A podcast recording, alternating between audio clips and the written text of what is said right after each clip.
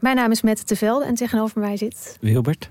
En ik heb vrij veel last gehad van neerslachtigheid, eigenlijk nog steeds wel in het leven. En depressies. En volgens mij gaan we dat proberen op te lossen. We gaan jou redden. En de rest van de mensen. En de toch? rest van de mensen. Ja. Wie redt Wilbert? Dat is de vraag. Wie helpt hem bij de kwesties en problemen van vandaag? Luister naar Wie redt Wilbert en de rest van de mensheid. Een podcast van de VPRO voor NPO Luister.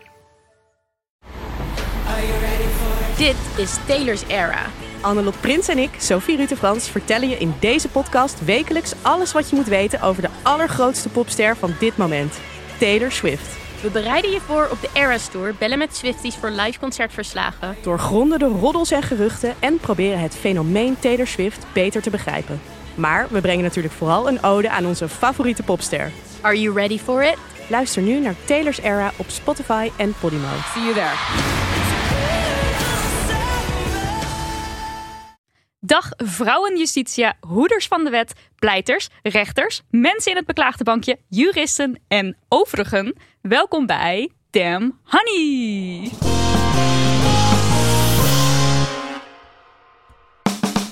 De podcast over shit waar je als vrouw van deze tijd mee moet dealen. Mijn naam is Nidia En ik ben Marilotte. en dit is aflevering 96, deel A. En vandaag duiken we de wereld van het recht in. En dat doen we met een jurist, werkzaam bij bureau Clara Wigman in de Vrouwenrechtswinkel in Amsterdam. Welkom, Raja Azaroual. Dankjewel. Welkom. Hallo. Leuk dat je er bent. Eh, we beginnen. We gaan zo meteen helemaal het recht in. En nou ja, we hebben net al allemaal interessante gesprekken gehad voordat de microfoon aanging. En het wordt denk ik heel erg leuk en interessant. En ik ga veel leren. Want ik vind het recht altijd iets heel engs en niet toegankelijk. Maar ik denk dat we voor elkaar krijgen om dat wel toegankelijk te maken vandaag. Maar we beginnen met de Femimist. Yes. Marilotje, ja. hoe ging jij onlangs de Femimist in? Nou, onze technica Luca. We kennen haar allemaal, maar voor de mensen die haar niet kennen. eh, zij, eh, Luca was onze technica tijdens onze eh, podcastshow in het voorjaar. Hij was onze steun en toeverlaat. En we hebben af en toe nog appcontact natuurlijk. Want hè, als je als familie leeft ongeveer twee maanden lang, dan ben je voor eeuwig in elkaars hart. Anyway, we waren aan het appen met z'n drieën. En eh, Luca liet ons weten dat ze eh, verliefd is. En eh, dat is hartstikke leuk. Ze appte ons over haar nieuwe lover. En nu is Luca queer. En ze heeft de laatste tijd veel flinks gehad met vrouwen. Dus ik moet eerlijk toegeven dat ik dus echt een tikkeltje teleurgesteld was. Toen ze vertelde dat haar nieuwe liefde een man is. Een cisman. Een cis, een, wit, een witte cis man. Ik denk, ik denk hetero, weet niet zeker dat ze Dat weet voor me. Ik weet, Ja. ik weet dan niet zijn, eh, zijn eh, label. Maar inderdaad, een witte eh cisman. Ehm, ja, dat slaat natuurlijk helemaal nergens op. Iedereen moet gewoon lekker verliefd worden op wie die wil. Ehm, maar toch vond ik het ook leuk om erachter te komen dat ze zelf ook een pietsie teleurgesteld was in zichzelf. Maar ze is wel helemaal tot over de Ja. oren. Dat is heel erg lief Dat en leuk is echt allemaal. heel erg leuk. En eh, ik gun het je van harte, Luca. Love you. Eh, toch jammer van die man. En jij? Ik ben heel blij voor je, Luca. ik, ehm, nou, ik ging naar de kleermaker, want ik had al best wel lang een eh, jurk in mijn kast hangen die te lang was. Dus ik daarheen. En ik ben een enorme people pleaser. En vooral als het aankomt op dingen waar ik niet zoveel verstand van heb. Want dan denk ik, oh, ik weet niks. Nou, toen moest ik me daar omkleden en die jurk heeft ingewikkelde bandjes. En toen ging ik dus al heel erg haasten. Want ik dacht, als ik nu niet haast, dan kost het tijd. En dat is vervelend voor die man. Dat ging ik eigenlijk al invullen voor hem. En dat was gedoe, want het was warm en al die bandjes en helemaal over het hoofd. Dus dat sloeg eigenlijk al nergens op. En was ik mezelf eigenlijk aan het wegcijferen. En toen ging die man zo spelden met tot waar het dan moest. En toen zei ik, ja, is goed. Ik, zeg maar, ik keek niet eens of ik het ermee eens was. Ik vind het zo moeilijk om dan Ruimte in te ruimte nemen. in te nemen en dan gewoon eerlijk na te denken van... Wat vind ik hiervan? Eigenlijk vond ik dat hij iets korter mocht, maar dat heb ik dus niet gezegd. Oh, nee. Dat is wel een Maar ben je hè? nu wel blij met je jurk? Of vind je hem eigenlijk Nee, ik, ben, ik vind het helemaal prima. Ik ben er blij mee. Maar terwijl het gebeurde, wist ik al van... Nidia, wat is dit nou? Alsof het die man ook maar iets kan schelen... als ik een minuut langer me aan het omkleden ben. Het maakt niet uit. Alleen als ik zeg, oh, mag hij misschien toch nog iets korter? Dan denkt hij, tuurlijk, want dan kan ik maken zoals jij het wil. Ja. Toch? Het is en dan niet, kan ik goede service leveren, waardoor je nog een keer raar. terugkomt. Het is gewoon... Het zit zo in mij en dat moet stoppen. Maar... En jij- jij durft nu waarschijnlijk niet meer terug. Jawel, want het was een super fijne ervaring. En het, het was snel klaar. En het was hartstikke mooi gedaan. En er was niks aan de hand. Het was gewoon helemaal top. Behalve dan dat ik me niet had uitgesproken. Ik had op zijn minst kunnen zeggen.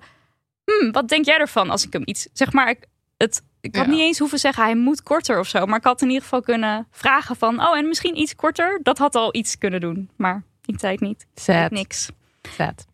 Rasja, Ja, nou, dat voorbeeld is ook herkenbaar voor mij. Fijn. Ja, ook haasten of zo bij de kassa met inpak of zo. Dan denk ik altijd, oh, mensen moeten altijd wachten op mij. En eh, dan ga ik altijd haasten. Dus eh, ja, dat herken ik sowieso. En eh, afgelopen week hadden we het over een eh, zesurige werkweek. Het ging over eh, ja, de verdeling tussen zorg en werk. En ik zat heel erg in mijn hoofd van, oh ja, dat zal wel chill zijn. Want ik heb zelf ook een dochtertje van 15 maanden met, me, met mijn partner. En overigens heeft mijn partner ouderschapsverlof en ik juist niet. Maar ik dacht vooral vanuit mezelf en vanuit mijn moederrol. Dus ik zat heel erg in die genderrollen. Van ja, eh, dat zou echt heel chill zijn voor een moeder. Die dan eh, ja, dus meer zorgtaken op zich neemt. Ja, uiteraard. natuurlijk. Want dat hoort. Terwijl dat juist eh, voor iedereen zou moeten. Gewoon voor alle mensen. En ook als je geen kinderen hebt, vind ik eigenlijk dat je een zesurige werkdag zou Ja. moeten hebben. Ja, ik ben daar helemaal, Helemaal voor. mee. Iedereen moet gewoon ietsje minder werken en ietsje meer leven. Ja, echt een eh, betere balans eh, in werken en eh inderdaad je leven. Ja, privéleven. zeker. Ja. Tijd voor post. Tijd Voor post. post. We maken zelfs elkaar zinnen al. Ach. Tijd voor post. Van Marleen is de post. En eh, de post gaat zo. Hallo, ik ben single en ik heb geen kinderwens. Of zoals Britt Dekker zegt, mijn enige wens is dat ze niet naast me zitten in het vliegtuig. Ik heb ook last van een spastische darm, waardoor mijn buik vaak opzet. Jullie voelen hem al aankomen. Ik krijg regelmatig de vraag hoe ver ik al ben. Nu ik erover nadenk, zijn het trouwens enkel vrouwen die het me vragen. Puntje, puntje, puntje. De eerste twee keer dat ik de vraag kreeg, was ik overdonderd. Nu heb ik gekozen voor een hardere aanpak. Tegen de tijd dat mijn buik zo opgezet is, heb ik waarschijnlijk al een week niet gepoept, dus is mijn stemming ook niet geweldig. Nou komt er een voorbeeld van een gesprekje. Eh, nee hoor, reageer ik dan. Ik ben gewoon dik. Nou, zo dik ben je niet, is het antwoord dan. Waarop ik zeg, schijnbaar dik genoeg dat jij denkt dat ik zwanger ben. Vaak wordt het ongemakkelijk voor de ander en stopt het dan. Er zijn vrouwen in mijn omgeving bij wie zwanger worden en blijven lastig was. Hoe vreselijk zou het zijn als iemand dat tegen hen zou zeggen? Het is trouwens zeker niet mijn bedoeling om te vetshamen. Mocht dit wel zo zijn, hoor ik het graag. Degene met wie ik erover sprak, vond het gebruik van het woord dik prima. Maar ik snap dat dat niet voor iedereen geldt. Sowieso bemoeien mensen zich te veel met anderen. En ik had Marleen heel eventjes gemaild. En eh, ze mailde terug eh, met een kleine aanvulling, namelijk deze. Inmiddels zijn er nog talloze interacties gebeurd. Helaas heb ik nog niet geleerd om altijd juist te antwoorden. Ook omdat het me soms nog verrast. En ze st- stelt natuurlijk niet echt helemaal een vraag hier. Het is meer een soort overpeinzing van... eh, ja, je krijgt al deze vragen over, weet ik veel, hoe je eruit ziet. Of best wel privé kwesties. En wat doe je daar dan mee? Ja. En vooral over zwangerschap. Daar zouden mensen echt over moeten ophouden om daar zomaar vragen over te stellen. Vooral als het mensen zijn die niet super dichtbij staan. Dus dat ik aan mijn beste vriendin vraag: Hey, zou jij misschien kinderen willen? Of wil je misschien nog een kindje? Dat zou, dat zou in principe kunnen hè, als je daar de juiste relatie voor hebt. Mhm. En het is het juiste moment. En het is niet een moment waarop allerlei andere mensen eromheen staan. Dan kan je natuurlijk prima zo'n gesprek hebben. En dan zou ik het zelf ook niet vervelend vinden als iemand het vraagt. Maar ik heb ook wel eens gehad dat het gewoon een collega midden op de kantoorvloer vroeg aan mij: Wil jij eigenlijk kinderen? En dat ik echt dacht. Hij, overviel mij echt met die vraag. Ik dacht, wat ga ik nou weer zeggen? Laat staan als iemand zegt, ben je zwanger? En dan ben je niet zwanger. Misschien wil je wel zwanger zijn. Mhm. Misschien lukt het niet om zwanger te worden of zwanger te blijven. Er zijn zoveel redenen waarom dit gewoon echt niet een goede vraag is om te stellen aan mensen. Maar ook, want jij zegt vooral als het gaat over zwangerschap of iets dergelijks. Ja, dat vind ik ook. Maar ook de, de vraag stellen: ben je, hey, ben je zwanger? Want je ziet er zwanger uit. Is gewoon.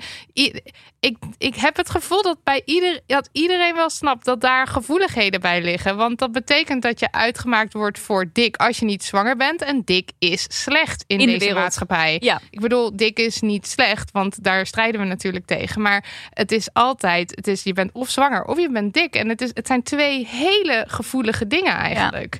Vind ik zo weird. Want eh, jij, zegt, jij zegt, je kan in een gesprek met mensen bij wie je dichtbij staat wel de vraag stellen: hey, wil je, je eigenlijk kinderen? kinderen? Dat is iets heel Ja. anders dan hey, ben je zwanger? Ja, eens. Dat, daar kan ik. Maar zelfs dat vind ik dus al dat je daarmee moet opletten. Om dat Ja, ja, ik te ook. vragen. Want je weet Ja. gewoon niet wat iemands verhaal is. nee, Ja, eens. Ook inderdaad met hele dichte uh, vriendschappen laat ik eigenlijk altijd het initiatief bij de ander. Dus als, Ja, uh, als het daarover gaat of zo, dan dan eh, heb ik het daar wel over hoor. Dan eh, ben ik daar wel open over. In, in, natuurlijk bij mijn vrienden. Eh, op de werkvloer vind ik al een ander verhaal, want dat is werk. Maar ehm, zelfs dan, hè, van heb je een kinderwens? Ja, misschien zijn mensen al heel lang aan het proberen en lukt het niet. En ook hè, binnen vriendschappen kan het zo zijn dat je dat liever even, vooral in het begin, misschien voor je wil houden. Ja. Ehm, ja, ik heb ook wel eens meegemaakt dat, dat ik dacht dat iemand zwanger was, een tante van mij. En die was eigenlijk best wel heel overduidelijk zwanger. Maar alsnog durfde ik het haar niet te vragen. En heb ik toen aan een andere tante gevraagd van... hey, is ze zwanger? Ja, vijf maanden al. En toen dacht ik, oh, dan kan ik gefeliciteerd. Ja, want ik ja. wilde dus niet zo'n ja. Flater slaan... eh, dat ik dan eh, te horen krijg... nee, ik ben eh, niet zwanger. En dan dus iets anders. Ehm, en voor de rest, als we het hebben over werk... Hè, en meer, dan kijk ik meer vanuit een juridische bril ernaar. Ehm, als je leidinggevende bijvoorbeeld dit soort vragen gaat stellen... ja, dat, dat kan leiden tot gevolgen eh, binnen je contract of eh, arbeidsrelatie. Eh, Heel vaak bij de werving en selectie. Dus als mensen worden aangenomen, hè, wordt soms nog de vraag gesteld aan vrouwen: heb je Mhm. een kinderwens? Aan mannen wordt die vraag niet gesteld. Mhm. Ehm, en dat is dan met inderdaad in gedachten waar ik het net over had, dat vrouwen dan eh, vaker de zorg hebben voor. Dus we willen dan weten hoe je dat allemaal gaat passen en meten met je werk. Want er wordt eigenlijk van je verwacht dat je gewoon alleen maar een professional bent en niet alle andere dingen eromheen. Ehm, dus ja, die vraag zelf is niet per se verboden. Maar als die vraag wordt gesteld met de bedoeling om iemand dan af te wijzen. Als iemand dus eh, bevestigend antwoordt van... hé, hey, ik heb een kinderwens. Met andere woorden, ik, eh, het kan zomaar zijn dat ik binnen, binnen nu en een eh, korte periode in verwachting ben. En dat heeft natuurlijk gevolgen, want dan is iemand tijdelijk even eruit Ja. vanwege het verlof. Dus de werkgever kijkt er dan op die manier naar. Ehm, maar ook bijvoorbeeld als het gaat om nu het ouderschapsverlof, kolfrecht, dat soort dingen. Ehm, ja, dus dan heb je het eigenlijk over zwangerschapsdiscriminatie, Mhm. kan je het hebben. Dus ook om die reden, hè, pas op met wat je, met je, met wat je vraagt. Gewoon juridisch gezien. Ja. Maar eh, we hebben het nu vooral volgens mij ook over privé situaties gehad. Mhm. Maar ook op werk eh, is dat iets om eh, rekening mee te houden. En stel je bent, dit gaat eigenlijk helemaal niet meer hierover, maar dat maakt niet uit. Stel je bent zwanger tijdens een sollicitatie, dan hoef je dat dus ook niet te zeggen.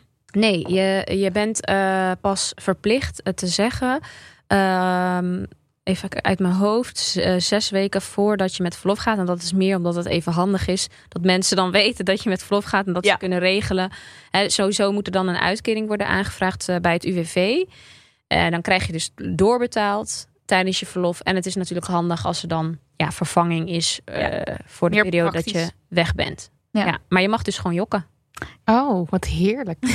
Maar het is dus even, zowel in zeg maar juridische of professionele context als in privé context. En je staat niet heel dicht bij iemand en de situatie sla- slaat nergens op om daarover te vragen. Doe het gewoon niet. Nee, maar wat zou je reageren als iemand het tegen je zou zeggen? Ja, oh ja. Ja, Ja, ik, ik ga dus wel lekker eigenlijk op dat zij zegt: eh, Ik ben gewoon dik. En, en ik weet dat het gebruikt wordt hier om te chockeren. ja.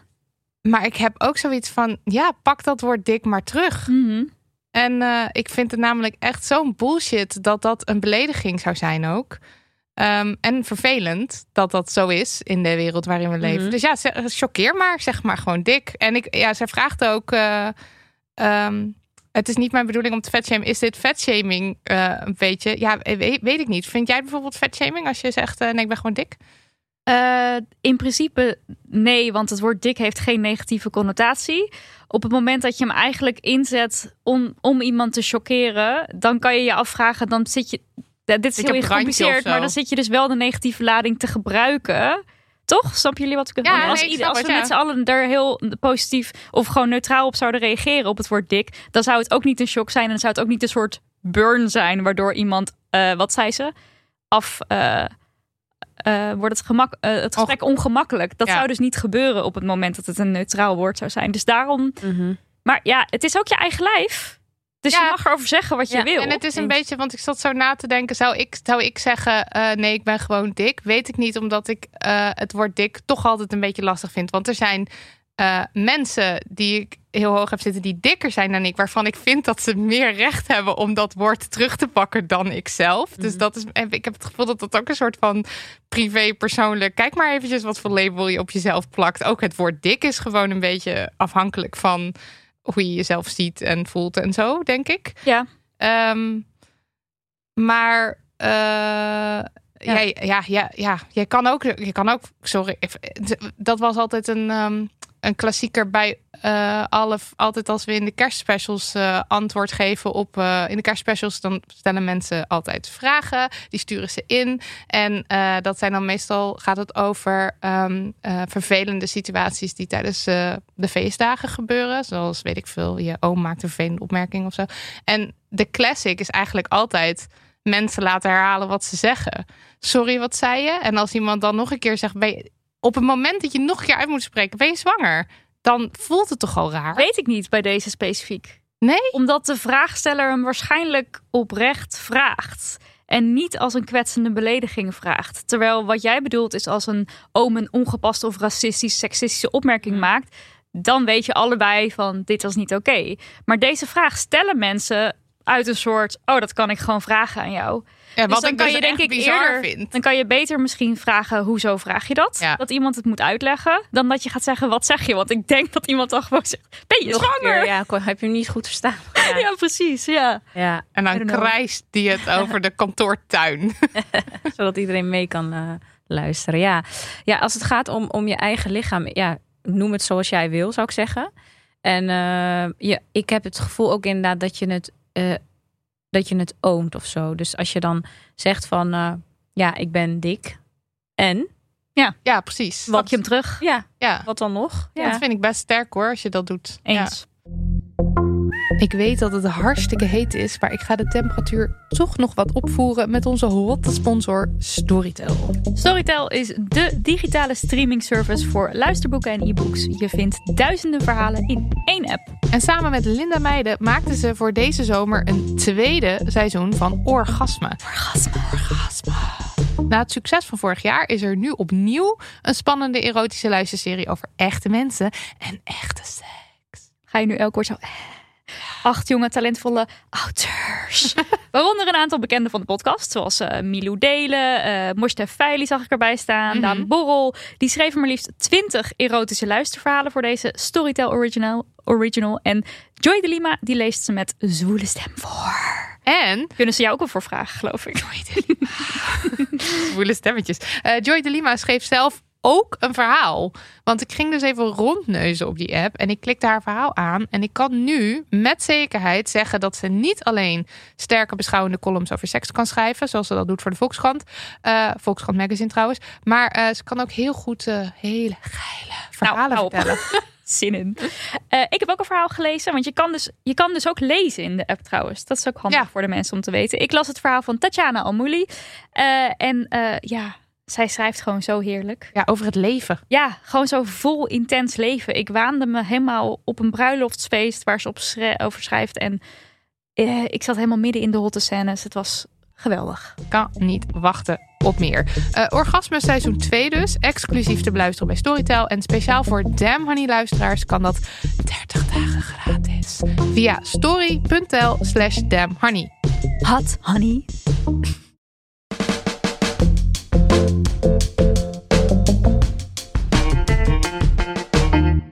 We moeten het even hebben over het recht.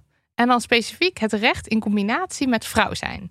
In, in Nijmegen en Maastricht zit er al jaren, zo'n 30 jaar begreep ik, uh, een vrouwenrechtswinkel waar men terecht kan met uh, allerhande juridische vragen. En in Amsterdam werd vorig jaar september uh, er eentje geopend. En dit najaar zullen er nog twee extra vrouwenrechtswinkels in de stad hun deuren openen. Raja, jij bent jurist bij de vrouwenrechtswinkel en, in, in Amsterdam. En je geeft er persoonlijk juridisch advies aan cliënten. Um, tel wat is de vrouwenrechtswinkel en wat doen jullie precies? Yes. Uh, de Vrouwenrechtswinkel Amsterdam is een project van uh, bureau Clara Wigman. Uh, die zich inzet voor de rechtspositie en maatschappelijke positie van vrouwen en gendergelijkheid. En het is ook een project dus van de Amsterdam Law Hub, wat onderdeel is van de Universiteit van Amsterdam. En het wordt gesubsidieerd door de gemeente van Amsterdam.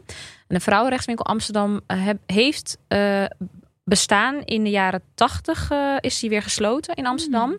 Onder het mom van dat de emancipatie, de vrouwenemancipatie, dat daar wel uh, ja, goed mee zit. dus dat dat niet meer nodig is.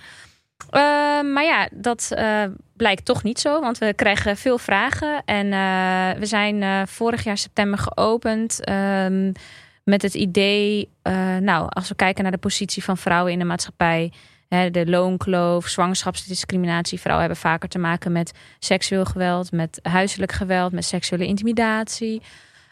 de werk, zorg- en werktaken zijn anders verdeeld. Dus dat zijn allemaal redenen waardoor, uh, nou dat weten we allemaal natuurlijk, uh, waardoor de positie van de vrouwen um, ja, een, een achtergesteld is ten opzichte van, de, van die van de man. Um, maar als we het hebben over ja, toegang tot het recht. Uh, het recht zelf is voor iedereen gelijk. Alleen die toegang tot het recht, dat is niet. En dat heeft dus te maken met wat je positie is en vooral wat je sociaal-economische status onder andere is. He, um, we willen op een laagdrempelige manier juridisch, gratis juridisch advies geven. Zelf geef ik persoonlijk geen juridisch advies, maar kijk ik de adviezen na van de rechtenstudenten die dus uh, in duo's de intakes doen van de ja, vooral vrouwelijke cliënten die vragen hebben over ehm, zaken waar ik het net over had, maar ook niet altijd zaken die per se aan gender raken. Mm. Uh, maar we proberen op deze manier wel op een laagdrempelige manier uh, juridisch advies te geven. Um, we zitten in een ontmoetingscentrum. Uh, het ontmoetingscentrum aan de Bos Lommenweg is echt voor alleen vrouwen. in de andere locaties zullen we waarschijnlijk ergens komen waar ook ja, alle mensen kunnen komen. Um, en waarom we graag in een ontmoetingscentrum willen zitten waar al activiteiten zijn, uh, is zodat mensen ons sneller weten te vinden en makkelijker zeg maar uh, door kunnen lopen naar ja. ons. Want het is natuurlijk ook wat betreft die toegankelijkheid van het recht.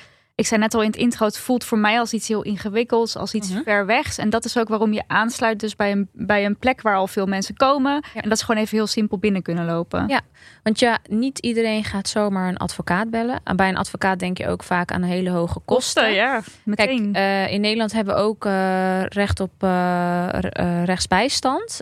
als je een bepaald inkomen hebt. Maar ja, dat, dat weet niet iedereen. En als je dat wel weet, dan vind je het nog steeds spannend. Want misschien heb je een wat simpelere vraag. En denk, ja, moet ik daar dan echt per se een advocaat voor bellen? Het feit ook dat je gaat bellen is vaak ook uh, al een drempel voor iemand. Hè? En als mensen gewoon al daar zijn in dat op die ontmoetingsplek. Dan is het makkelijker voor ze om door te lopen. Ja, of ja. om doorverwezen te worden. We hebben ook hele warme contacten met de vrouwenorganisaties in Amsterdam. En samenwerkingen met advocatenkantoren. Vooral uit de sociale advocatuur in Amsterdam. Um, dus op die manier proberen we het echt heel laagdrempelig te houden. Want je hebt natuurlijk ook andere loketten. Uh, maar daar moet je ook echt een afspraak voor maken. Bij ons kan je ook gewoon dus binnenlopen. Hm.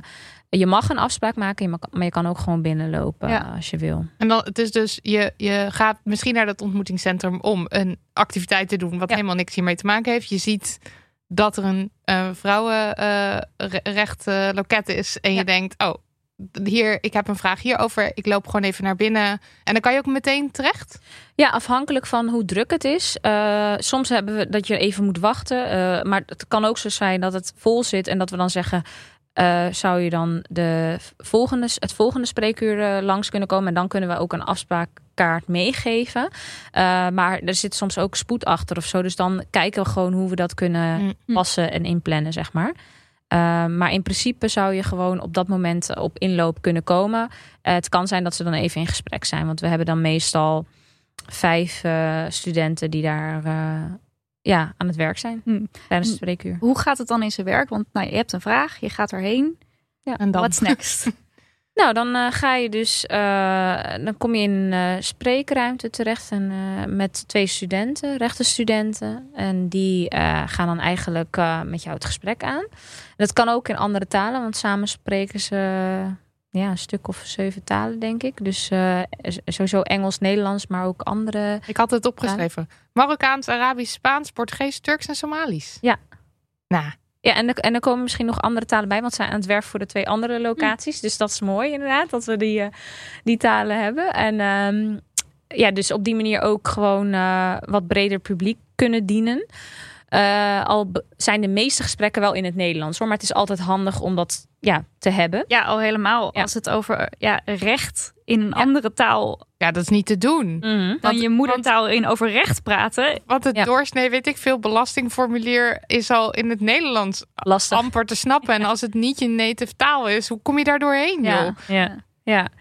Nee, ja, zeker. Dus, en dan ehm, heb je dus een gesprek, een intakegesprek eigenlijk. eh, waar gewoon eigenlijk de vraag wordt gesteld van... Goh, eh, wat, eh, wat zou u graag willen weten? Of wa- waar heeft u, wat, wat is het probleem precies? Dus dan krijgt de cliënt gewoon de mogelijkheid om uit te leggen... waar ze vragen over heeft. En waar ze, waar ze mee te maken heeft. Soms nemen ze ook brieven mee. Dus dan wordt er ook naar die brieven gekeken. Nou, er worden vragen gesteld, er wordt doorgevraagd door de studenten. En er wordt eh, eigenlijk gekeken of er een soort juridische vraag is. Of dat het gewoon echt een sociaal-maatschappelijke vraag is. Want wij bij de Vrouwenrechtswinkel ehm, ja, beantwoorden de juridische vragen. Maar heb je nou bijvoorbeeld hulp bij het aanvragen van een toeslag? eh, ja? dan, Oh, dat is een sociaal-maatschappelijke ja, vraag. precies. Ja, dus dan, eh, dan wil je gewoon hulp hebben bij, ja, hoe vraag ik kinderopvangtoeslag aan of zo. Mhm. Dan eh, kan je beter bijvoorbeeld naar een buurteam te, eh, gaan. Dus dan, daar hebben we dan ook contacten mee. En dan kunnen we mensen ook goed doorverwijzen. Ehm, maar als je nou bijvoorbeeld eh, met als we het weer even op dit specifiek voorbeeld kinderopvangtoeslag, nou de toeslagenaffaire bijvoorbeeld, als daar iets mee is gebeurd en je hebt een brief gekregen en je wil in bezwaar, dan kunnen wij als vrouwenrechtswinkel eh, helpen en kijken wat de reden nou precies is dat het dat je bijvoorbeeld eh, geld hebt moeten terugbetalen. Ehm, dan wordt er ook gelijk een vervolgafspraak meegegeven op een afsprakenkaart voor de cliënt. Want twee weken daarna wordt dan het advies gegeven. Dus de studenten gaan aan de slag met die vragen. Kijken eh, wat ze kunnen adviseren, wat er mogelijk is. Ehm, en soms moeten ze ook even een advocaat bellen om daarmee te sparren of met mij. Eh, soms gaan ze ook verwijzen naar een advocaat als blijkt dat het echt een procedure wordt. Hm. Eh, dan dan kun, kan de vrouwenrechtswinkel niet helpen. Dan eh, moet je echt een advocaat hebben om naar de rechtbank bijvoorbeeld te gaan. Ja. En dat is eigenlijk dan hoe het gaat. En dan komt de cliënt terug eh, twee weken later en dan wordt het advies gegeven. En, en als je echt een advocaat nodig hebt en er moet van alles gebeuren, dan is dat ook iets waar, waarin jullie begeleiden en doorsturen? Eh, ja, wij verwijzen dan door. Maar ja, iedereen heeft natuurlijk vrije advocaatkeuze. Dus wij hebben samenwerkingen Ja. met advocaten in Amsterdam. Maar we kunnen dus, als de cliënt dat wil, kunnen we een naam doorgeven en een telefoonnummer van een advocaat. Dan hoeft de cliënt dat niet meer uit te zoeken. Dan zeggen we ook van, nou, dit is een advocaat op jouw rechtsgebied waar jij een vraag over hebt. Bijvoorbeeld sociale zekerheidsrecht. Hè? Eh, dat is dan die kinderopvangtoeslag, om dan weer even in dat voorbeeld te blijven. En eh, dan zeggen, nou, je kan dit nummer draaien en een afspraak maken. Maar een cliënt mag ook altijd zelf zoeken. Ja. Of eh, ja, dat, dat kan je googlen. Maar wat de cliënt wil, dat, daar proberen wij bij te helpen. Ja. Ja, ik kan me voorstellen dat je ook bij het zoeken van een advocaat denkt, eh, nou kom maar Ja. met, eh, Ja, help. kom maar door. Geen Ja. idee. Ja. Ja, zeker als je het ook hebt over rechtsgebieden. Want ik zeg dan zo sociale zekerheidsrecht. En dat valt dan bij die eh, toeslagen. Dat valt daar dan weer onder. En uitkeringen. Maar dat weet niet iedereen. Nee, ik heb geen als, idee. Als Nee. leek, als leek weet je dat niet. Nee. En zelfs, hè, ik zeg dat altijd. eh, gewoon überhaupt het recht, het toegang.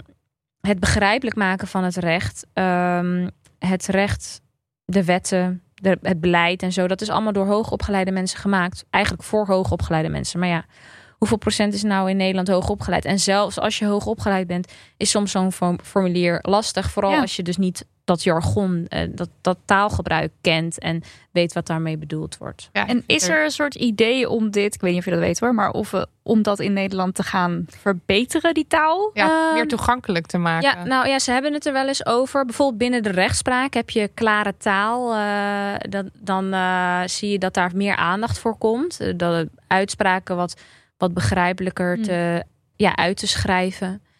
En ehm, ja, als we het hebben over instanties, overheidsinstanties, proberen ze daar volgens mij wel meer aan te werken. Maar het is nog niet. eh, ja, het is nog niet zoals het zou moeten, denk ik Nee. omdat heel veel mensen het nog lastig vinden om, eh, om ja, te ook begrijpen wat er nou intimiderend of zo. Ja. Ja, ja. Zeker als je zomaar zo'n brief krijgt met hier is de uitspraak en dit is het. En je snapt de helft niet van wat er staat. Dan, Ja. nou ja. En, eh, en net zei je van de, de vrouwenrechtswinkel is eh, in een ontmoetingsplaats waar alleen eh, vrouwen komen. En als je het bijvoorbeeld hebt over transmannen of non-binaire mensen, kunnen die ook terecht bij de vrouwenrechtswinkel? Ja, zeker. We hebben zeg maar. Ja, ook op kijk, we zijn, onze primaire doelgroep is vrouwen. Waar, waar ik het net over had, hè, over al die posities binnen de samenleving waar, eh, waar een achterstand is voor vrouwen. Eh, maar ook, we hebben ja, tot nu toe hebben we ook wel eens gewoon eh, mannen gehad, om het zo maar even te zeggen, die een vraag kwamen stellen, die sturen we ook niet weg. Maar we hebben dus wel ja, als primaire doelgroep vrouwen. Alleen iedereen is welkom. Hè. Als je een vraag hebt, een juridische vraag, dan kijken we of we je daarbij kunnen helpen. En juist hè, als we het hebben over gendergelijkheid. Kijk, in de juridische termen, de juridische term vrouw en geslacht, dat is nu zoveel breder dan dat het ooit is bedoeld geweest. Snap je? Mm. Dat het ooit Mhm. bedoeld was. Eh, dus voor ons gaat het erom dat je te maken hebt met een rechtsvraag eh, waar je niet uitkomt, waarbij je, wij jou kunnen helpen. En dan Ja. eh, kan je bij ons terecht. En dan zijn jullie gewoon gespecialiseerd in thema's waar dan voornamelijk vrouwen sneller mee te maken hebben. En dat is ook het belang van zo'n Ja. Maar het is niet zozeer dat jullie zeggen, we sluiten dit of die persoon buiten. precies. Maar eigenlijk ko- 99,9% denk ik Ja, is wel zeg ja. maar vrouw wat Ja. bij ons komt. Eh, maar, eh, en ook qua rechtsgebieden zijn we eigenlijk best wel breed inzetbaar. Eh, maar wat ik net al zei, vaak inderdaad dat gendercomponent zit er wel in. En als dat niet zo is, dan is dat ook niet erg. Oké, Dus dan ja. helpen we daar ook bij. Ja. Dus, En wat zijn nou specifiek? Je hebt net al wat thema's genoemd hoor, maar echt voorbeelden van nou, op, daarop krijgen we echt heel veel vragen binnen. Ja, eh, nou, eh, binnen de locatie waar we nu zitten krijgen we heel veel op personen- en familierecht. Dus dat is echtscheiding, omgang, gezag, alimentatie. Ehm, en dan ook eh, los of in combinatie met verblijfsafhankelijk recht. Dus dan, Mhm. dan heb je te maken met vrouwen die hier in Nederland zijn vanwege verblijf bij partner en soms bij verblijf bij kind. En als het gaat om verblijf bij partner en er is sprake van huiselijk geweld, dan eh, ja, zijn ze aan het kijken of ze kunnen scheiden, maar wel dat ze hun verblijf hier kunnen behouden. Dus dat zien we voorbij komen. En is dat dan mogelijk? Eh, ja, als je daar eh, zeg maar, nou ja, ja, in de zin van je hebt daar een aanvraag voor, maar je moet dat wel kunnen bewijzen. Je moet dan aangifte doen. Er zijn wel dingen die je, ja, dus daar gaan we, geven wij dan ook advies over wat je dan eh, moet doen. Je moet bewijzen dat er huiselijk geweld is. Partnergeweld. Ja, partnergeweld, eh, huiselijk geweld, seksueel geweld. Je, eh, als jij eh, aangeeft van nou, ik voel me niet veilig thuis bij mijn partner. eh, maar ik ben afhankelijk van partner, want ik heb verblijf bij partner en ik werk niet. Dus dat zijn allemaal zorgen die dan spelen. Ehm, dan, eh, ja, dan ga je daar aangifte van doen. Dat is dan het advies dat we geven.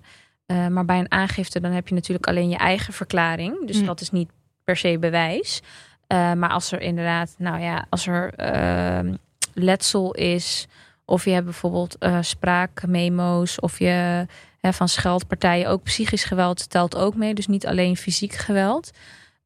Maar ook bijvoorbeeld als jij bij de huisarts gesproken hebt hierover, dan staat dat ook in het dossier van de huisarts. Uh, heb je ook bijvoorbeeld een, heeft de huisarts jou doorverwezen naar een psycholoog omdat je ja, klachten hebt, gewoon psychische klachten, mentale klachten van al het leed, dan is dat ook allemaal bewijs dat je dus uh, uh, ja, dat, dat je dan kan gebruiken in zo'n aanvraag. Ja, het is echt een soort logboeken ja. Ja. bijhouden. Ja. Oké, okay, dus, uh, ja, dus, dus, dit gebied vooral. En um, het kwam net ook al voorbij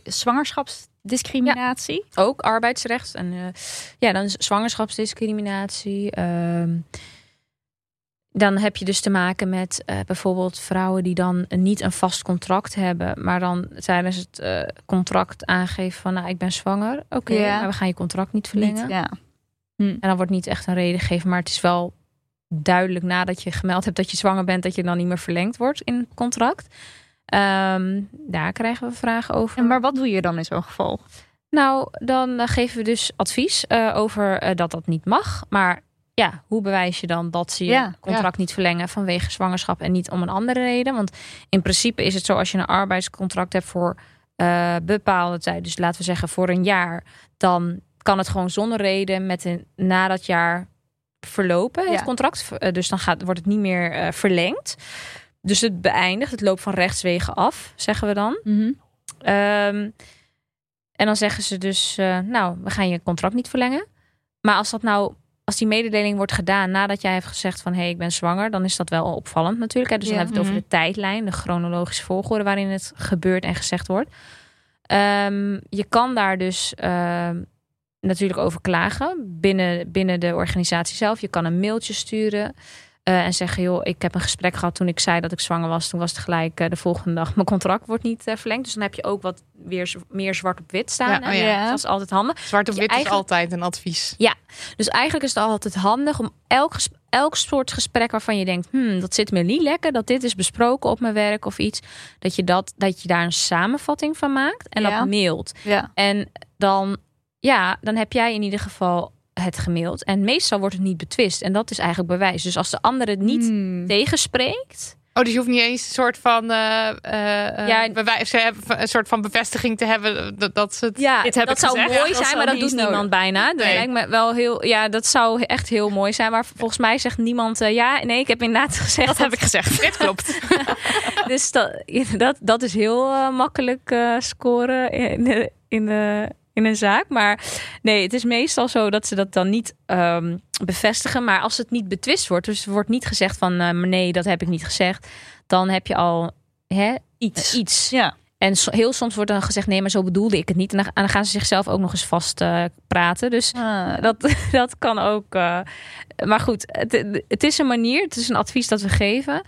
En eh, je kan ook eh, bijvoorbeeld, eh, dat is ook een gratis procedure. Je kan naar het College voor de Rechten van de Mens. Dat is Mhm. waar ik hiervoor heb gewerkt. En daar kunnen, kun je een klacht indienen op grond van discriminatie. Dus zwangerschapsdiscriminatie. En dan wordt er gekeken of daar sprake van is. Dus dat is een soort, ja, het is geen juridisch bindende procedure. Dus dat betekent dat het oordeel dat wordt gegeven... is niet gelijk aan een uitspraak van de rechter. mhm. Ehm, maar het, wordt, ja, het is wel van een gezaghebbend ehm, orgaan. En ehm, blijkt ook wel uit 75% van de gevallen... dat er wel iets wordt gedaan met het Oké. oordeel. Oh, wel. Oké. Ja. Ja, daar, daar was ik benieuwd naar. Want je leest best wel vaker als je dit soort, als je een soort van discriminatiezaken of zo hebt. Mhm. lees je vaak, nou, het ergens wel in de situatie, het College van de Rechten van de Mens heeft geoordeeld dat het inderdaad discriminatie is. Dan denk ik, ja, Wat wordt ermee gedaan? ja. Terwijl Ja. ik denk meteen, wow, als die het zeggen, dan zeg Ja. maar voor mij Ja, het is een al meteen heel veel. Ja, eh, eh, orgaan natuurlijk. Ja. En het is zo dat eh, ze doen ook een follow-up. Dus dat betekent na ongeveer zes, acht weken bellen ze met eh, de verzoeker. Dus degene die eh, het slachtoffer is van discriminatie en de verwerende partij. Dus bijvoorbeeld de werkgever.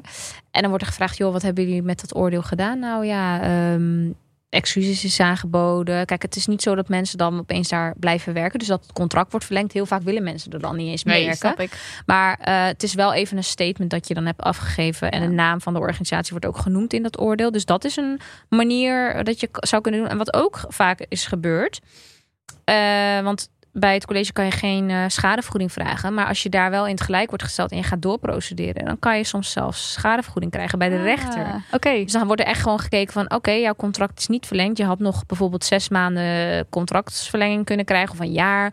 En dan, wat is jouw inkomen per maand? Nou, dan krijg je 30.000 euro bijvoorbeeld. wauw. Dat is dan toch wel een... Ja, nogal een bedrag. En gebeurt dit veel nog? Zwangerschapsdiscriminatie? Ja, ja Oké. blijkt ook uit onderzoek dat het echt eh, zeker nog veel gebeurt. Meer dan 40 of zo. Volgens mij ja, krijgt daarmee te maken. Dus eh, kan in alle vormen. hè. Dus niet alleen bij een contract, maar ook bijvoorbeeld kolfrecht. Dat is Oh, Oké. Ja, ik dacht even even, door- specifiek dat Nee, ze niet de contracten... nee. Eh, maar kolfrecht bijvoorbeeld, dat is eh, als je borstvoeding wil geven, dan heb je recht op om te kolven op het werk. Mhm. Een percentage van je, van je van het aantal uren dat je werkt. En dan En- hoef je niet te werken tijdens het kolven, toch? Dat is Nee, echt gewoon nee. helemaal kolven, zelf je Ja. eigen ding doen. En je moet ook een ruimte hebben. Dus Ja. niet op de wc, want dat hoor je ook nog heel vaak. Van Oh, ga maar even op de wc kolven. En ik heb nu zelf. En dan denk ik, huh, hoe vies is dat? Dat je, Ja. je gewoon je borstmelk, Ja. wat voor een baby bedoeld is, op de wc moet gaan eh kolven. Echt denigrerend. Mensonterend Ja. is het. Maar goed, dat, gebeurt helaas dus wel. En eh, dat, ja, dat zijn dus ook rechten, weet je wel. Dat je daar recht op hebt. Dat je dus eh, betaald krijgt terwijl je aan het kolven bent. Dat je niet mag werken tijdens het kolven. Dat je niet opgejaagd mag worden. Ehm, je mag zelfs ook live voeden als dat haalbaar is. Kijk, eh, voor mij is mijn werkafstand nu hier bijvoorbeeld eh, te groot. Maar als je van huis, zeg maar. Maar als je dicht bij eh, de opvang werkt of... eh, van, ja, vanuit huis dicht bij de opvang zit of zo, dan kan je ook live voeden. Hmm. Dus, eh, Oh, dus dan, dan kan je daadwerkelijk naar je gewoon kind daar, eh, daar eh, voeden Nou, en dat dan weer ik ook echt terug. niet. Ja. Dat, is, dat is echt nieuws voor mij. ja, dat kan, maar dat, dat doen niet heel veel mensen. Alleen als je een beetje dichtbij woont. Ja. Want anders ben je ook natuurlijk veel reistijd kwijt. Ja. Maar je hebt in principe eh 25% van je werkdag eh, mag je inzetten om te golfen. En dat Ja. is dan wel even nog eh, ter verduidelijking voor de eerste negen maanden.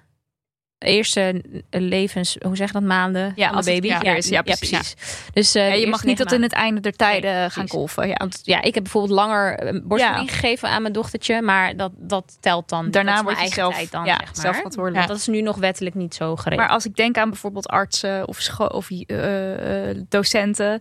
Hoe ja, doen Hoe mensen doen dit? dat? Ik geloof Ja. inderdaad meteen dan dat 40% eh daar niet in voorzien wordt. Want Nee, hoe ja. ga je nou je, ga je, je klas dan in je in, eh, alleen laten? Nee, goede vraag. Dat, eh, dat is heel lastig. En roostertechnisch en zo. En er staan ook wel dingetjes in de wet van. ehm, eh, nou is dat volgens mij niet per se bij het golfrecht, maar juist weer met ouderschapsverlof. Dat het dan roostertechnisch en qua bezetting wel Oh. moet kunnen. Dus je Oh, hebt soms wel inderdaad dat de werkgever kan zeggen: ja, dat kan dan niet. Maar met golfrecht is dat uit mijn hoofd niet zo. Alleen ja, ze- je moet het wel, het moet wel ge- soms gepland worden. Bij mij Ja. was dat dan gewoon makkelijk met mijn werk. Maar als je inderdaad bepaald werk doet waar dat niet kan. Ja, als je voor de klas moet staan, dan moet Ja. je voor de klas staan of zo. Ik snap dat dat Ja. bij dat soort beroepen lastig is. Ook wel echt heel moeilijk om dan maar voor jezelf. Ja, ik heb net al verteld, people pleaser. Maar Ja. om dan te zeggen, ik heb er recht op. En dan is het dus zo goed dat je naar de vrouwenrechtswinkel kan. Want dan heb je dus mensen achter je staan die zeggen, daar heb je recht op. Ja, maar dan nog je het zelf Ja, je moet het zelf doen. Ja, maar dan adviseren bijvoorbeeld van zet het op de mail. Want Oh, als je het mondeling doet, Oh, ja. dan is het altijd weer lastiger. Of je er weer dan- uitgeluld. Ja, of je moet het opnemen. Dat zeggen we ook wel eens. Als je gewoon onderdeel bent van het gesprek, kan je het gewoon opnemen. Maar ehm, ja, tuurlijk, het is altijd lastig om, om daar... Om zeg maar, eh, er is een verschil tussen hè, eh, gelijk hebben, maar ook gelijk krijgen. Ja. Dus dat je dan ook echt dat, dat kan halen, je recht kan halen. Dat is moeilijk, want je bent... Hè, we hebben het over mensen die eh, ook vaak eh, afhankelijk zijn, hè, financieel. En Ja. dus denken van, ja, ik wil ook niet een te groot probleem van maken, want ik wil mijn baan niet kwijt Ja, raken. precies. Dus er zijn allemaal dingen die meespelen. Ehm, en ik hoop dat het nog beter geregeld gaat worden in de toekomst. Hè? Dat er bijvoorbeeld strenger. Nou, dat, dat bijvoorbeeld organisaties misschien gewoon fikse boetes moeten gaan krijgen. Ja, ik wou weet je zeggen, Daar zijn ze wel over aan het nadenken. Maar Er staat niks, eh, er is niet, eh, er is, is dat nu dus niet. Nee, nu niet. Dus je wordt nu gewoon op zijn ergst op je, op je vingers getikt door de College van de Recht van de Mens. Of En, een eh, schadevergoeding vanuit oh, de rechtbank. Ja, ja. Eh, maar dat, dat geef je dan aan, de, aan je ex-oud-werknemer is het dan vaak. Die werkt daar dan me- meestal niet meer. Eh, maar dat is niet een eh, boete. Dat is, eh, ja, dat is dus een schadevergoeding voor de voor, voor dit inkomen. Ja, oh ja. ja, het inkomen dat je hebt gemist. En Erfteninkomsten. Ik kan me dus ook voorstellen, want kijk, dit zijn dingen, je, je loopt hier echt heel erg tegenaan tijdens je zwangerschap bijvoorbeeld met je werkgever. Maar dat er dus ook, dat ook heel veel mensen gewoon geen idee hebben waar ze recht op hebben überhaupt. Ja. En dat je dus maar gewoon, weet ik veel, nou ja, zoals we het nou toch hebben over zwangerschap, dat je gewoon maar je zwangerschap, dat het allemaal maar gewoon gaat en dat je achteraf wordt, nou ja, daar recht op, Ja, of je ja. hoort het nooit. Je hebt, ik bedoel, hoe weet je waar je recht op hebt vooraf al? Ja, nou ja, heel goed. Sterker nog, eh, nog een voorbeeld. Je hebt recht op extra pauze. Nou, en daar ga toen, je. Toen, toen ik zwanger was, had ik dat uitgezocht, maar ik wist het daarvoor nooit. En moet je nagaan, ik heb een juridische achtergrond. Maar, Ja, maar ehm, hoe kom je daarachter? Nou, het beste is natuurlijk als je gewoon daar op gewezen wordt door eh, een HR-afdeling. Dat je een boekje meekrijgt van... Hey, oh, leuk, je bent zwanger, gefeliciteerd. Kijk eens, dit zijn allemaal rechten die je hebt als werknemer. Ja. ja. Weet je wel, waar daarin dat staat? En eh, Dat, dat klinkt mij in de oren alsof bedrijven dat nauwelijks doen. Mm, Sommige ja, zijn misschien heel leuk. Ja. Sommige bedrijven, Ja. andere niet. ja, nee, maar het zou wel heel goed kunnen werken. Dat, eh, dus dat is een tip. Ja, tip naar de mensen toe. Naar de bedrijven toe. naar de bedrijven toe. En, eh, en misschien ook gewoon als werknemers van, joh, hebben we dat? Misschien Ja. eh, luisteren HR-medewerkers nu ook mee. Sowieso luisteren. Hebben we die? Ja, ja, die zijn er. Ja, precies. Dus En dat een soort protocol eventjes... eh, hallo, je bent zwanger. Hier is het. Ja, ja precies. ja, want als we het dan eh, over inclusie hebben, want ik hou me dan ook bezig met diversiteit en inclusie. En dan, dan is dit, hè, wat heb je allemaal? Wat voor procedures heb je ingebouwd op je werk? vloer voor medewerkers. Hè? Niet alleen voor vrouwen, maar daar hebben we het nu natuurlijk specifiek uh, of we hebben het nu vooral op gender, maar ook doeltreffende aanpassingen voor mensen met een beperking. Of uh, bijvoorbeeld, um, um, ja, als we het hebben over nou, vrouwen die, die later pas gediagnosticeerd worden met autisme bijvoorbeeld. Hè, Mhm. met, dan, daar zijn ook doeltreffende aanpassingen voor nodig. Hoe, hoe ga je daarmee om als, als werkgever? Wat bied je daarvoor? Ja, dus ook met die intersecties, daar kan je eigenlijk ook bij jullie terecht. Als je ja, je kan in principe. Ja, in, je zei net, je kan met alles ja, in principe precies. terecht. Maar... Uh, maar intersectionaliteit, dat is sowieso wel echt een, uh, een focus van Ja. ons. En ook van bijvoorbeeld bureau Klaar en Wichman.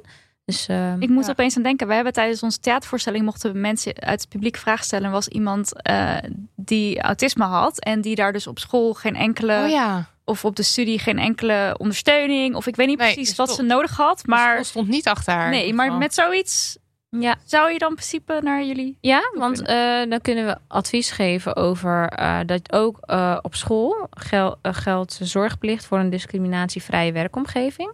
Want dit kan ook onder discriminatie vallen, omdat je, ja, je hebt dus een doeltreffende aanpassing nodig. Dat is dan een juridische term.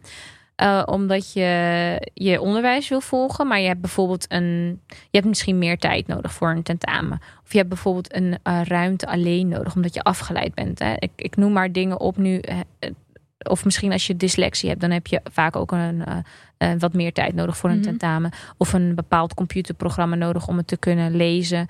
Dus dat zijn allemaal dingen die je dan wel kan vragen. En als, als onderwijsinstelling heb je een bepaalde zorgplicht naar je scholieren en studenten. Uh, dat is ook wettelijk geregeld. Dus Ja. dat, uh, discriminatie en gelijkbehandeling is wat dat betreft heel breed. En gendergelijkheid is dan natuurlijk één thema. op gender. Ja. Ja. Ik moet nu ook heel erg eh, denken aan. We hadden, we hadden in een van de afleveringen ehm, de docu of nee, de docu besproken. eh, Ryan is zwanger. En daar gaat het over een, een non-binair persoon ehm, die een X in diens paspoort heeft en zwanger is. En dan heel veel moeite heeft met zwangerschapsverlof krijgen, omdat er een M Mhm. eh, of een M of een X eh, nog geregistreerd staat. Zijn dit, dit zijn denk ik ook zaken waar je wat mee kunt. Of ja, dat dan- zeker. Nou, sterker nog, de zaak van Ryan heeft bureau Clara Wichman bijgestaan, zeg maar. Dus Ja, dan vanuit yes. strategische procedure, zeg maar, eh, eh, hè, om, om dat voor elkaar te krijgen. Maar als het gaat om, je bent in verwachting en als je dan zwangerschapsverlof wil hebben, dan moet je eigenlijk gewoon een zwangerschapsverklaring overleggen. Dus dat is wat de werkgever nodig heeft om die uitkering aan te vragen. Dus Het is heel weird gewoon- dat, dat, dat dat systeem dan zegt... Jij bent, jij bent geen vrouw, dus jij krijgt het niet. Dat is eh, heel nee, gek. want in, ja, want in principe eh, gaat het dan om eh, dat, je, dat je werkgever die uitkering kan aanvragen. En het zou nog kunnen zijn, maar dat, dat durf ik niet zeggen, dat, dat het dan bij het UWV misgaat. Dus bij die uitkering. Daar gaat nog wel eens wat Ja. mis namelijk. Ja, dat daar dan eh, gezegd wordt: hé, hey, maar er staat hier eh, de, de, een, een M Ja. en geen V, dus dat kan dan niet. Ja, dan een soort error, Ja, ja, error. ja. Ja, computer, Computer says no. no. Ja, precies. Terwijl, weet je, als jij gewoon een zwangerschapsverklaring kan dat is toch voldoende? van een ver- verloskundige praktijk. Ja. Kijk, ik ben zwanger. Dat, Nou, dat is de reden waarom ik verlof nodig heb. Lijkt me wel handig dan om, ver, om verlof te krijgen. Even kijken hoor, want we hebben allemaal vragen ook van luisteraars gekregen. Mhm. Ehm, eentje, ik vond het een mooie vraag. Discrimineert het recht? Oeh. Ja, Ehm, ja, kijk. Het recht is natuurlijk voor iedereen gelijk. En eh, als we het hebben over eh, artikel 1 van de grondwet, hè, dan is iedereen gelijk. Ehm, en moeten we gelijk behandeld worden. Maar het kan soms zijn dat een bepaalde regel indirect mensen harder raakt. Dus dan hebben we het over indirect onderscheid. of uitsluit misschien? Of uitsluiting kan ook. Dus als we het dan bijvoorbeeld hebben over de PGB-zaak van, eh, van bureau Clara Wigman, waarbij er ehm, geproduceerd is over het feit eh, dat eh, een mevrouw die een PGB-vergoeding kreeg. En toen eh, uiteindelijk eh, werkloos werd, kon ze geen WW aanvragen. Ik snap, sorry, maar ik moet echt BGB even- Oh, ja. ja, oh ja, Zo'n budget. Ja, sorry, Ja. ja. Dus Maar- beroepsdeformatie. Ja, precies. Ja. Maakt niet uit, maar... Geef niet, wij gillen gewoon Ja, Jippie Janneke taal alsjeblieft. Ja. Oké, Ja. dus je, je wil een persoonsgebonden budget. Ja, en Ja. Dat, dat, dat een persoonsgebonden budget eh, kan iemand die zorg nodig heeft inzetten.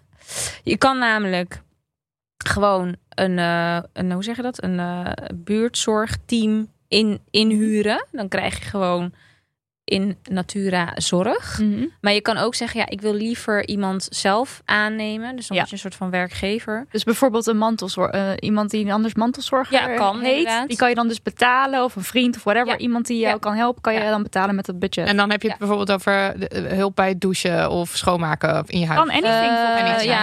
ja, persoonsgebonden gebonden budget is echt eh, zorg en verpleging. Dus schoonmaakondersteuning is weer wat anders. Dat Oh is wet maatschappelijke ondersteuning. Maar dat is dan. Maar goed, laten we het Maakt niet uit. ja, Ja, ja niet maar. Dus, dus dan, eh, maar ja, hu- hu- hulp, Hulp. zorg. Iets waar je hulp of zorg Ja. bij nodig Ja. En, ehm, Dat had deze persoon dus gekregen.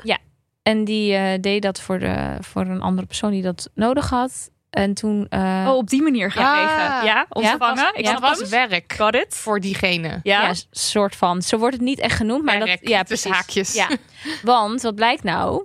Je, je kan dus niet een eh, WW aanvragen als je niet voldoet aan het feit dat je bijvoorbeeld meer dan vier dagen werkt daarin. Ja. En ehm, het probleem was dat vanuit bureau Clara Wichman is toen ook gezegd van ja, dit raakt vrouwen vooral. Want meer dan 90% van de PGB-zorgverleners Ja. zijn vrouwen. Vrouwen. Ja. Ja.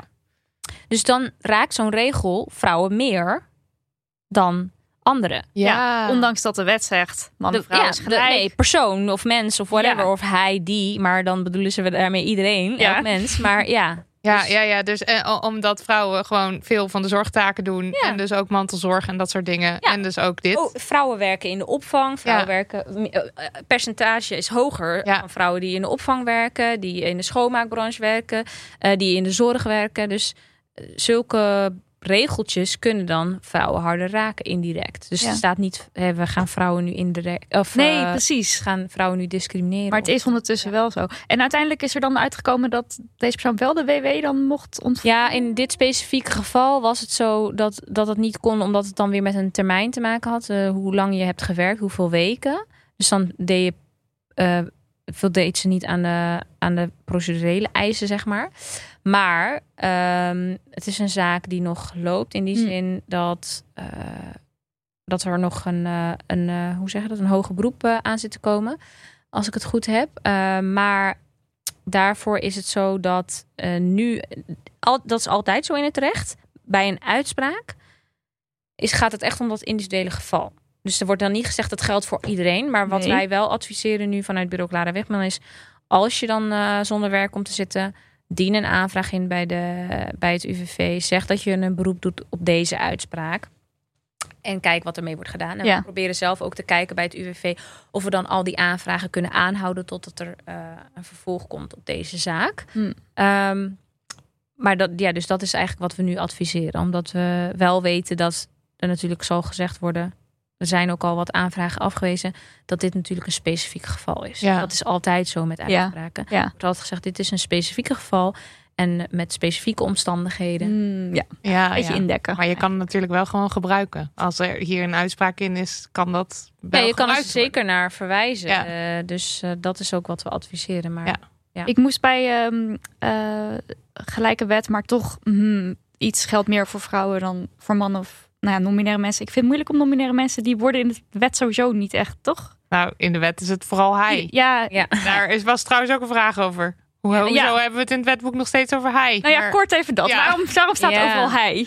Goeie vraag. Nou, ik heb de, wetten niet gemaakt, maar eh, ja, de wetten Kom op, zijn je gewoon moet het oplossen. Nee, de wetten zijn gewoon heel oud. En eh, weet je, de, de gender, dat zeggen we ook. Hè. Ook als wij ehm, in, ons, ehm, in onze ni- nieuwsberichtgeving en dat soort dingen vanuit Vrouwrechtswinkel of vanuit Bureau Klare Wigman iets zeggen. Dan, eh, zeg, ja, dan hebben we het over gendergelijkheid. Soms hebben we het over vrouwen, soms hebben we het over specifiek non-binair. Maar in principe hebben we het over mensen gewoon. Hè? Mhm. Eh, eh, en natuurlijk op bepaalde gevallen vrouwen, omdat dat vrouwen meer raakt. Ehm, maar in de, in, de, in de wet heb je gewoon hij of geslacht. En geslacht is nu niet. Gender is veel breder dan alleen maar hij, zij. Ja. Alleen dat is dan nu nog niet zo uitgeschreven in de wet. Ja. Nee, toen de wet gemaakt werd, was, het, was de wereld nog veel binairder Ja. dan Ja. we het nu zouden Zien. zien. Maar Precies. dat de wet gooit niet echt mee nog. Nog niet. Duurt ook denk ik. eh, is ook heel veel werk denk ik om dat allemaal aan te passen. En, eh, is niet een eh, ctrl, eh, wat is het? Ctrl Z. Ctrl Z. Hij en dan vervang door hij, zij, dienst of whatever. Nee, dat zo makkelijk is het niet. Nee, nee, zo makkelijk is het. Maar echt misschien luisteren mensen mee. Die, Niet kunnen fixen. Ja. Oh ja, wat ik wilde, waar waar ik naartoe wilde.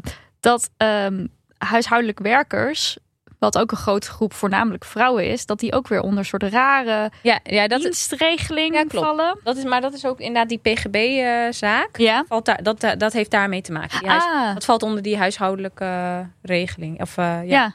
Want dan kan je dus geen, je bouwt geen pensioen op en zeg maar allerlei En eigenlijk die rechten. WW-uitkering dus ook inderdaad. Ja, Ja. werkloosheidsuitkering. dus dat, dat, eh, dat is wat ik inderdaad ook bedoelde met die zaak. Ja. Die valt ook namelijk onder die regeling. En is, eh, gaat men hier iets aan doen? Nou ja, dus... eh, Want er zijn wel uitspraak- campagnes voor meer voor Ja. weer een eh, awareness, heb ik het gevoel. Maar ik, Klopt. ja. De, die, die uitspraak heeft dan wel wat losgemaakt, hoop ik. Mhm. Maar dat loopt nog allemaal. Dus, Ja. eh, Stay tuned Ja, voor deze En als, rechterlijke eh, ontwikkelingen. Als je iemand betaalt die schoonmaakt in je huis, eh, wees je ervan bewust dat je werkgever bent Ja. voor de wet. En Of allerlei- iemand nou zwart betaalt of niet. Je bent werkgever en je hebt verplichtingen, zoals iemand heeft eh, zes weken vakantie, eh, vier weken. vier weken vakantie, zes Niet- weken betaalde loon bij ziekte Mhm, en Minimaal 8%, 8% vakantiegeld. Ja. Klopt. Er En- is nu een campagne en inderdaad ook over. zwangerschapsverlof wordt via het UWV dan geregeld, Geregeld, geloof ja. ik. Ja. Maar daar heeft die persoon dus wel recht op. Ja, recht op inderdaad, want je bent werkgever, maar ehm, je, als je het zwart doet, kan je natuurlijk niet aanmelden, kan je je Niet werknemer niet aanmelden bij, de, bij het UWV, want die weten dat dan niet. Ja. Maar dan zou, dan zou je er dus zelf eh, Ja. verantwoordelijk Ja. voor moeten zijn. dit, dit alleen al is denk ik zo'n... Vinden mensen Die- heftig om te ja. horen, kan ik zeggen, uit de DM's die wij kregen. vinden, ze, oeh, vinden ze niet leuk om te horen dat ze, Dat, Dat ze ze allerlei zijn. rechten aan hun eh, eh, huishoudelijk werkers moeten Ja, maar het is gewoon goed- volstrekt logisch is dat En je het dat is doet. gewoon Ja. ook goed om te weten dat het zo is. Ik bedoel, eh, wees de, bewustzijn is de eerste stap. Ja, Ja. maar misschien is En het dan ook it. goed om, eh, om dat te regelen. Hè? Ja. Dus ook voor, eh, in de wet. Dat, Precies, eh, want blijkbaar werkt het niet op deze manier. Nee, precies, want ik, ik weet niet he- heel goed hoe het systeem precies in België werkt. Maar ze hebben dus blijkbaar wel Bonnen. een- met bonnen en zo. En Ja. belastingen. Dus dat is veel aantrekkelijker voor Ja. zowel degene die iemand in huis heeft werken. als degene die werkt in huis. Dus waarom zou dat hier niet kunnen, vraag ik me Ja. af. Vind ik ook een hele goeie. Even kijken hoor, want we hadden dus nog heel veel meer vragen gekregen. Mag ik muziek melden als ik menstrueer? Ja, goede vraag. Eh, eh, er is, in Spanje hebben ze dat sinds kort eh, dat, ze dat, dat ze dat gaan doen. Hè? Dat je dus menstruatieverlof mag opnemen. Hier in Nederland hebben we dat nog niet op die manier geregeld. Er zijn misschien werkgevers die dat al wel aanbieden uit zichzelf. Ehm, maar ja, je mag je gewoon ziek melden. Dus je hoeft ook helemaal niet te zeggen... oh, ik meld me ziek omdat ik menstrueel. Maar mag je wel doen als je dat wil natuurlijk. Maar dat is aan jou. Uh, maar als je ziek bent, ben je ziek. Ja. Of dat nou vanwege je menstruatie is of omdat je iets verkeerd gegeten of zo, weet ik Ja. veel. Ja, dat- ja. Ja, maar niet omdat je menstrueert. Maar dus, da- dat is het ding waar wij al Precies. wel vaker over praten. Het idee is natuurlijk gewoon dat je mensen vertrouwt in hun... ik voel me niet, niet goed, ik voel me niet lekker... ik kan vandaag niet werken of ik heb vandaag dit en dit en dit nodig. En dat het niet per se afhangt van of iemand dan menstrueert of niet. En dat je dan daar last van... maar dat gewoon alles meegenomen wordt. Als je Ja. ziek bent, als je je niet lekker voelt... neem dat ook serieus. En voel ook de ruimte om vrij te nemen... en gun dat ook als werkgever aan je werknemers. Als dat kan, want we hebben het hier dan ook weer over, zeg maar, beroepen als, weet ik veel, voor de klas staan, is dat natuurlijk een stuk moeilijker dan Ja. bij een kantoor. Even vrij te nemen, ja. Maar ik kreeg, we kregen ook een DM daarover van een eh, luisteraar dat in Spanje het blijkbaar veel gebruikelijker is om een briefje bij de dokter te halen als je verlof neemt. Terwijl dat hier, je kan bellen, je kan zeggen ik ben ziek. ziek. En dan hoef je niet, zeggen ze niet van oké, maar we willen het wel van je huisarts horen. En dat is in Spanje blijkbaar ofwel gebruikelijker of zelfs gewoon hoe het hoort. Ja, Oh. dat, En eh, dan was blijkbaar dus menstrueren en daar klachten van ondervinden, was dus blijkbaar nog niet voldoende voor een arts of zo. Ja, maar het is ook weer niet Ja. zo dat je dan dus elke maand zomaar gewoon vrij krijgt of zo als je menstrueert. Maar het is wel als je dus ook echt klachten ervan... nou, Ja, precies. Dus het klonk eigenlijk gewoon als zoals we het hier in Nederland ook hebben. Je, je meldt je ziek omdat je je niet goed voelt. En nu valt menstru vallen menstruatieklachten krijg je in er een Spanje voor van de huisarts. ook daaronder. Ja. Ja. Maar hier in Nederland mag dat dus eigenlijk gewoon al. Ja, alleen wordt het dus geen menstruatieverlof Nee, genoemd. En als jij dat wil delen met je werkgever, maar dat, dat is, ben je niet verplicht overigens. Ja. Hè? Dus als je niet wil delen waar je last van hebt, dan eh, hoef je dat zeker niet te doen. Ehm, maar het wordt niet apart, zeg maar, als verlof genoemd of gezien, tenzij de werkgever dat zelf eh, als beleid heeft. Ja. Oké, wat fijn dit hoor. Heerlijk dit juridische spreekuur. Ja, Deze eh, vraag hadden we ook nog. Hoe kan het dat daders van huiselijk geweld bijna nooit strafrechtelijk worden vervolgd? Oeh, ja. Ik eh, weet niet het percentage of iets uit mijn hoofd. En ehm, ja, dat heeft met bewijs te maken. Als iemand niet vervolgd wordt, dan heeft dat vaak met bewijs te maken. Dus ehm, ja, is, is er bewijs van het huishu- huiselijk geweld, eh, seksueel geweld, psychisch geweld of niet? Ja, eigenlijk hetzelfde verhaal als net. Logboek. Eh, als het er is, logboek bijhouden, bewijs Maar ook- ook- verzamelen. Ja, en eh, ja, dus ehm, ook echt gewoon foto's maken van, eh, van letsel zoals je Ja. hebt. Dus de- sowieso als je aangifte doet en je hebt letsel, wordt er, worden er foto's door de politie gemaakt. Maar het, ja, dat gebeurt gewoon natuurlijk in zulke situaties dat je heel lang geen aangifte doet. Maar al heel vaak misschien fysieke letsel hebt. Probeer daar foto's van te maken, Ja. zodat je dat kan bewaren als je dat toch een keer nodig hebt. ja, het- is wel, het is wel, het is zo cru. Het is echt vreselijk dat dat moet, maar het is wel heel goed om het te doen. Ja, Ja. ja het, zo is het eh, wel. Ja, helaas. Ik heb nog één vraag over de vrouwenrechtswinkel, want ik las dat jullie ook themaavonden organiseren Mhm. met andere organisaties. Ja. Hoe gaat dat? eh? Ja, eh thema bijeenkomsten. eh eerste ging over echtscheiding. ehm laatst over verblijfsafhankelijk recht. En we hebben ook nog een soort van inderdaad live spreekuur gehouden met een groepje vrouwen. Dat ze vragen konden stellen over van alles en nog wat. en dan mocht je gewoon bij elkaar meeluisteren. Bedoel je dat? Ja, Oh, tenzij- als ze dat willen. Hè. Ja, dus als mensen echt iets apart wilden bespreken, mocht dat natuurlijk Ja. ook. Want het is, ja, sommige dingen zijn gewoon gevoelig en privé. Mhm. Uh, maar eigenlijk waren, was iedereen had wel, uh, wel een vraag van, ja, van huurrecht, werken, uitkering, inkomen. Um, van alles. En um, dan werd een vraag gesteld en dan werd dat beantwoord door mij en een uh, advocaat.